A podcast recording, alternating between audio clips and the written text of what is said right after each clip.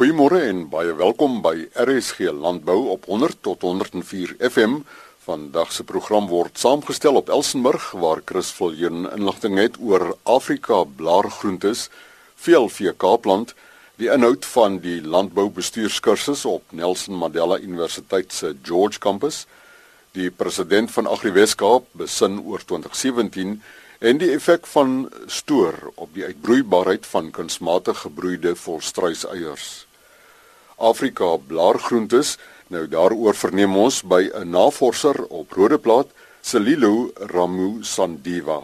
African leafy vegetables are defined as crops that are native and unique to a specific area, homegrown and produced through traditional production practices.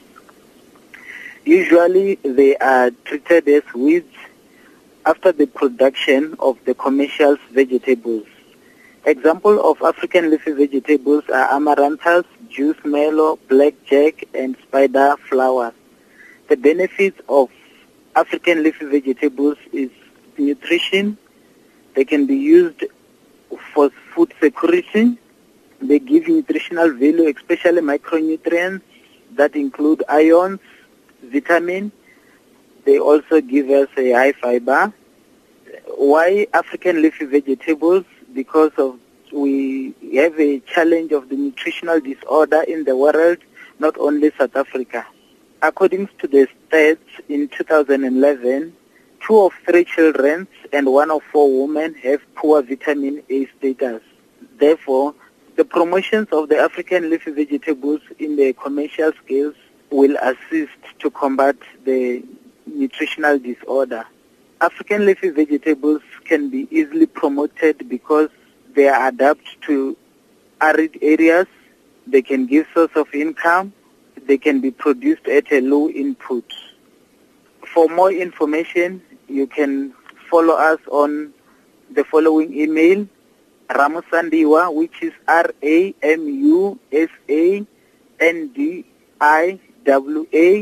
and capital letter L at arc.agric.za. Selilu Ramusandiva is 'n navorser op Rodeplaat. Sy e-posadres ramusandiva@arc.agric.za. Veel vee Kaapland president Karin van Skalkwyk beantwoord nou die vraag: Het die veelvee nog 'n toekoms? Die antwoord is 'n groot ja. Waarom? Vir dieselfde rede waarom VLC destyds ontstaan het. Die vrou moet bemagtig word met kennis en nogmaals kennis.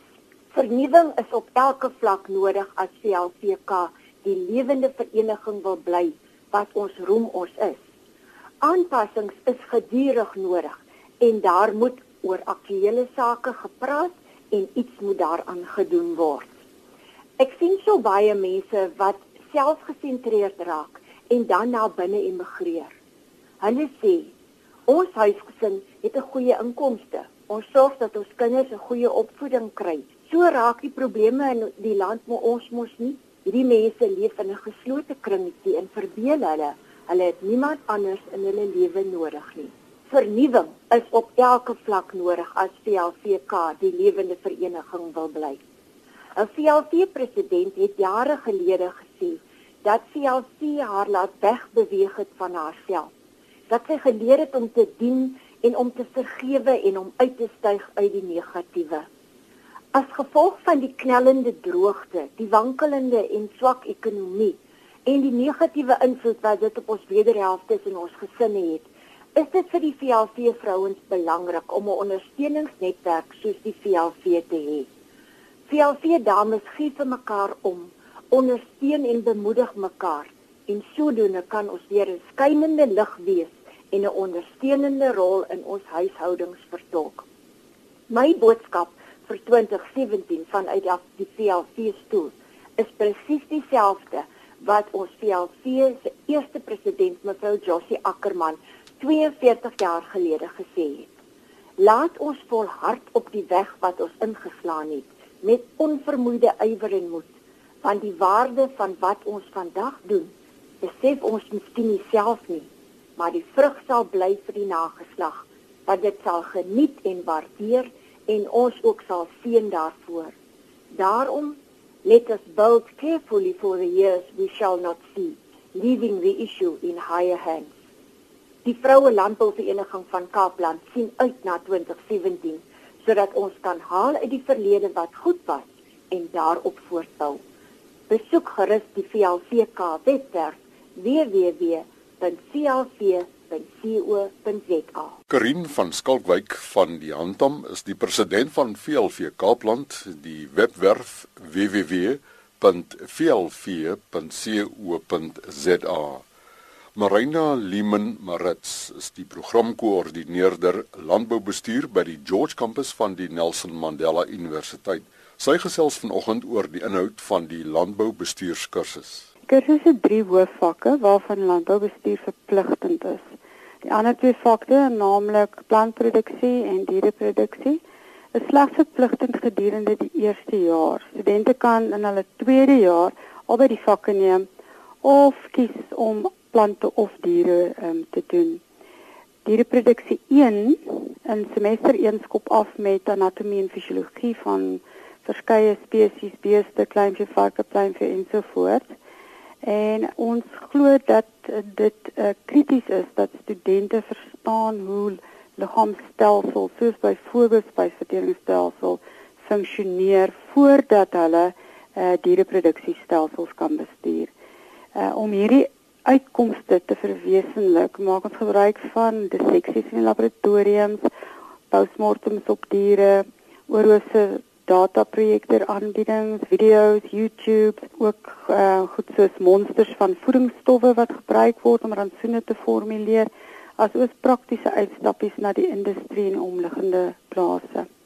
In diereproduksie 2 in semester 2 van die eerste jaar, dek ons voedingsbestuur teeling, seleksie en reproduksiebestuur as ook dieregesondheid. Gedurende die tweede jaar op die kampus begin studente dan eers met die bestuur van die produksiestelsels. Ek vertrou dat um, hierdie inligting van waarde is veral vir ouers en uh, potensiële studente uh, wat 'n besluit moet neem oor watter kursus hulle wil doen. En Chris, ek sal graag wil ook in die nabye toekoms bietjie meer inligting oor die ander modules ook wil deurgee soos ons plantproduksie en ons landbou bestuurskursus. Ons is gekap op 50, maar ons vat so 65 in op 'n jaar. Ehm um, hulle kan by www.nmmi.ac.za gaan kyk. Die programkoördineerder landboubestuur by die Nelson Mandela se George Campus, Marina Leeman Marits. Die web www.nmmu.ac.za en nou na die suidpunt van Afrika waar Agri Weskaap president Cornie Swartboer en hy besin oor die jaareinde. Desember is gewoonlik die tyd wat ons terugkyk oor die jaar wat verby is en besin oor die pad wat ons geloop het, die besluite wat ons geneem het, die manier hoe ons dinge aangepak het, die gees waarin ons opgetree het en of ons waarde tot die mense wat ons pad kruis se lewens toegevoeg het. 2016 het vir die landbousektor in die Wes-Kaap weer 'n goeie mengsel van hoogtepunte en uitdagings gebring. Die droogte wat ons Weskus en Sentraal Karoo distrikte nog steeds in sy greep het, kritiese watertekorte en leë plaasdamme en opgaardamme en landelike veiligheid wat bedreig word. Bly die kwessies wat die landbou elke dag by ons bestuursplanne moet inreken, maar waarvan die publiek ook deeglik kennis moet neem, omdat dit nie net vir die landbou gevolge inhou nie.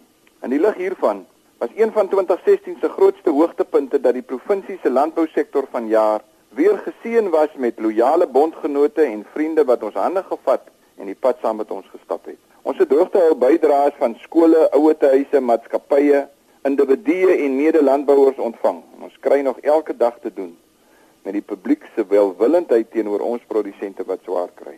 Die Wes-Kaapse Departement van Landbou het 34 miljoen rand se droogtehulp vir opkomende en kommersiële produsente bygedra. Die Universiteit van Kaapstad het in samewerking met die departemente van landbou en omgewingsake in die Wes-Kaap 'n uitstekende plan vir die bestuur van klimaatsveranderinge binne die landbousektor opgestel. Van jou kant af, het jy 'n gesprek rondom leierskap binne die landbou aan die gang gesit en gewigtige rolspelers betrek om hierdie noodsaaklike saak die aandag te gee wat dit verdien. Die Weskaap se nuwe polisiekommissaris het sy hulp en steun aan Agri Weskaap se beleidskomitee vir landelike veiligheid toegesê.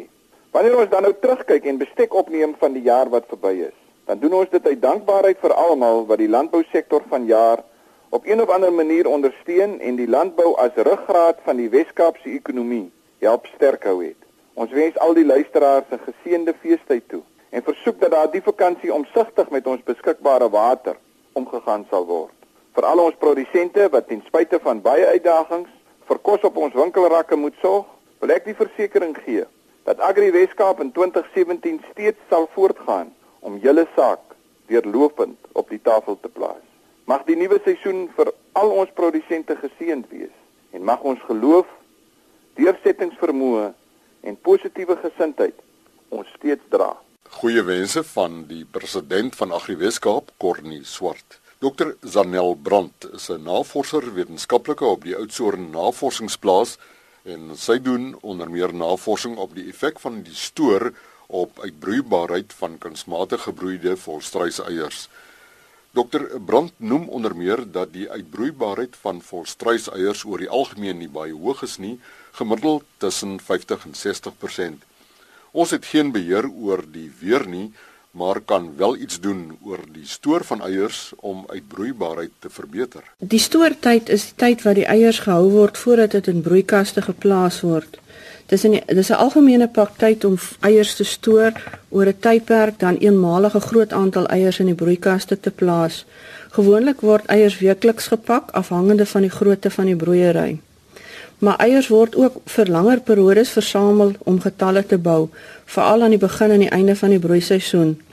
Produsente met kleiner broeikuddes kan ook vir langer periodes eiers bymekaar maak om dan 'n groter getal eenmalig te pak. Navorsing het bevind dat embryoale mortaliteite tot 15% hoër was vir eiers wat langer as 8 dae gestoor is. Die grootste stygings in embryoonale mortaliteite is tydens die tweede fase van broei, Dit is embrio's van eiers wat na 21 dae in die broeikas doodgaan. Hierdie tendens word herhaal in al die seisoene, naamlik winter, lente en somer. Oor 'n 14 dae stoorperiode kan eiers gemiddeld tot 3% vog verloor. Dit klink nie baie nie, maar dit beïnvloed tog die kwaliteit van die kuiken wat uitbroei.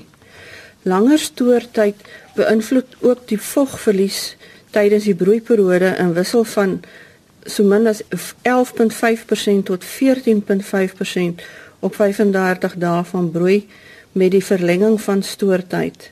Sodoende beïnvloed stoortyd dan ook die gewig van die kuiken wat uitbroei en dit kan 7 tot 8% afneem met die verlenging in stoortyd. Piktyd tussen vars gepakte eiers en eiers wat meer as 4 dae gestoor is, kan tot met soveel as 24 uur verleng.